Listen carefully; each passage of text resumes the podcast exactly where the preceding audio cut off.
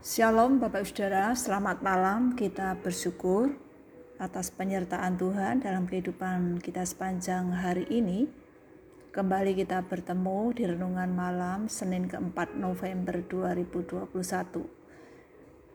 Kita berdoa mohon pertolongan Tuhan sebelum kita bersama merenungkan kebenaran firman-Nya.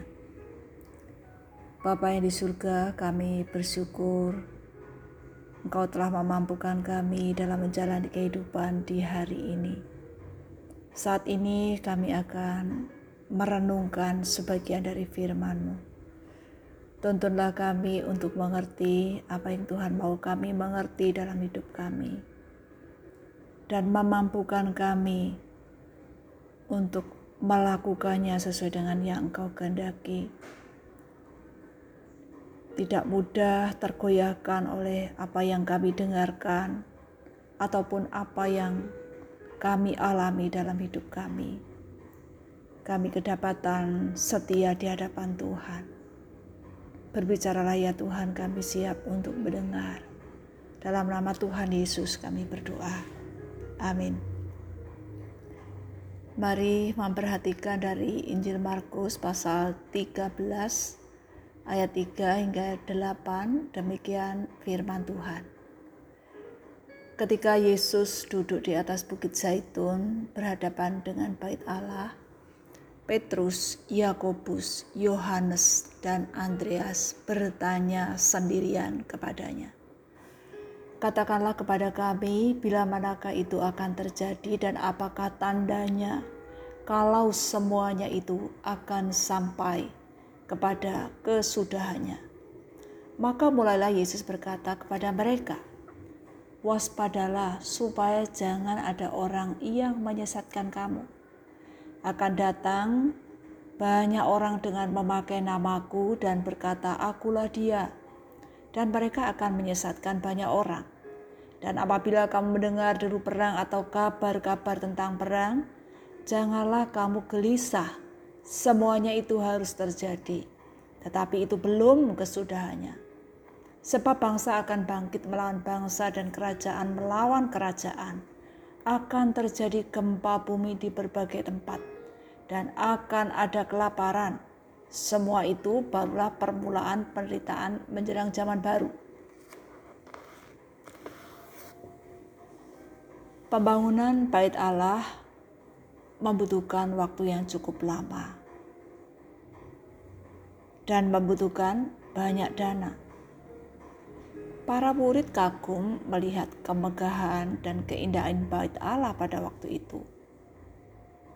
Orang-orang datang ke bait Allah untuk beribadah, berdoa kepada Allah.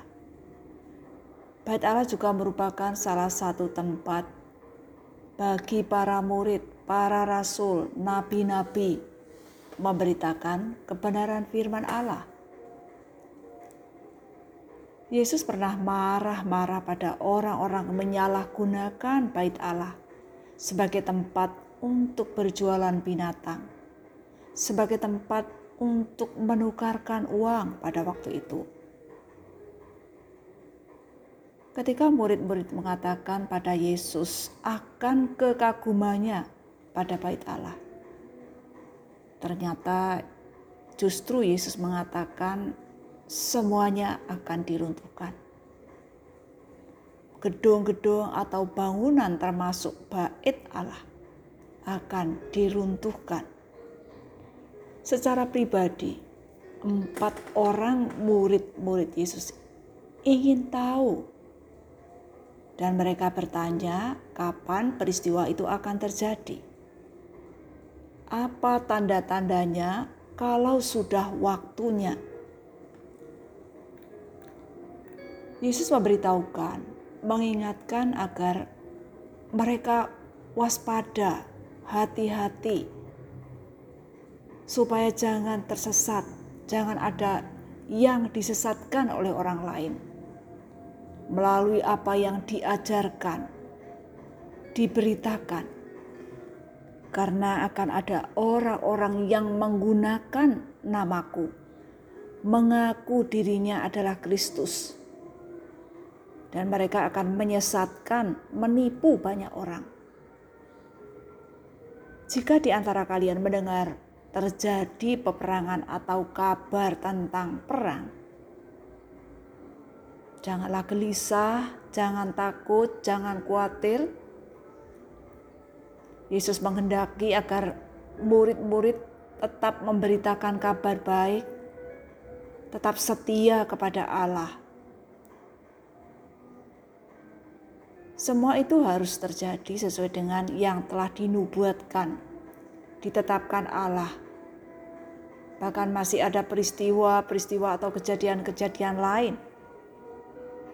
Akan terjadi peperangan antar negara, bangsa yang satu melawan yang lain. Terjadi bencana alam, gempa bumi, kelaparan di berbagai tempat Bahkan semuanya itu baru tanda-tanda awal dari penderitaan yang akan terjadi pada akhir zaman. Melalui apa yang Tuhan Yesus katakan, apa yang Yesus beritahukan kepada para murid saat itu.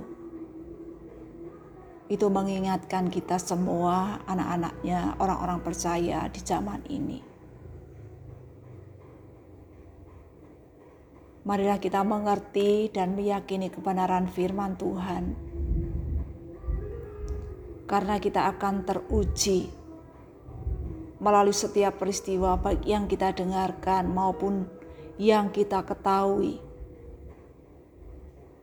Yang akan kita alami saat ini maupun di masa yang akan datang. Oleh sebab itu, biarlah kita semuanya kedapatan berpegang teguh pada kebenaran firman-Nya.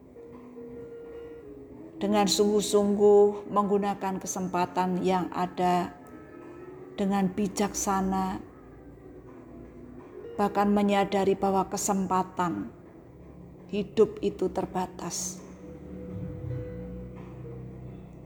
Biarlah kita semuanya kedapatan setia di hadapan Tuhan kita berdoa.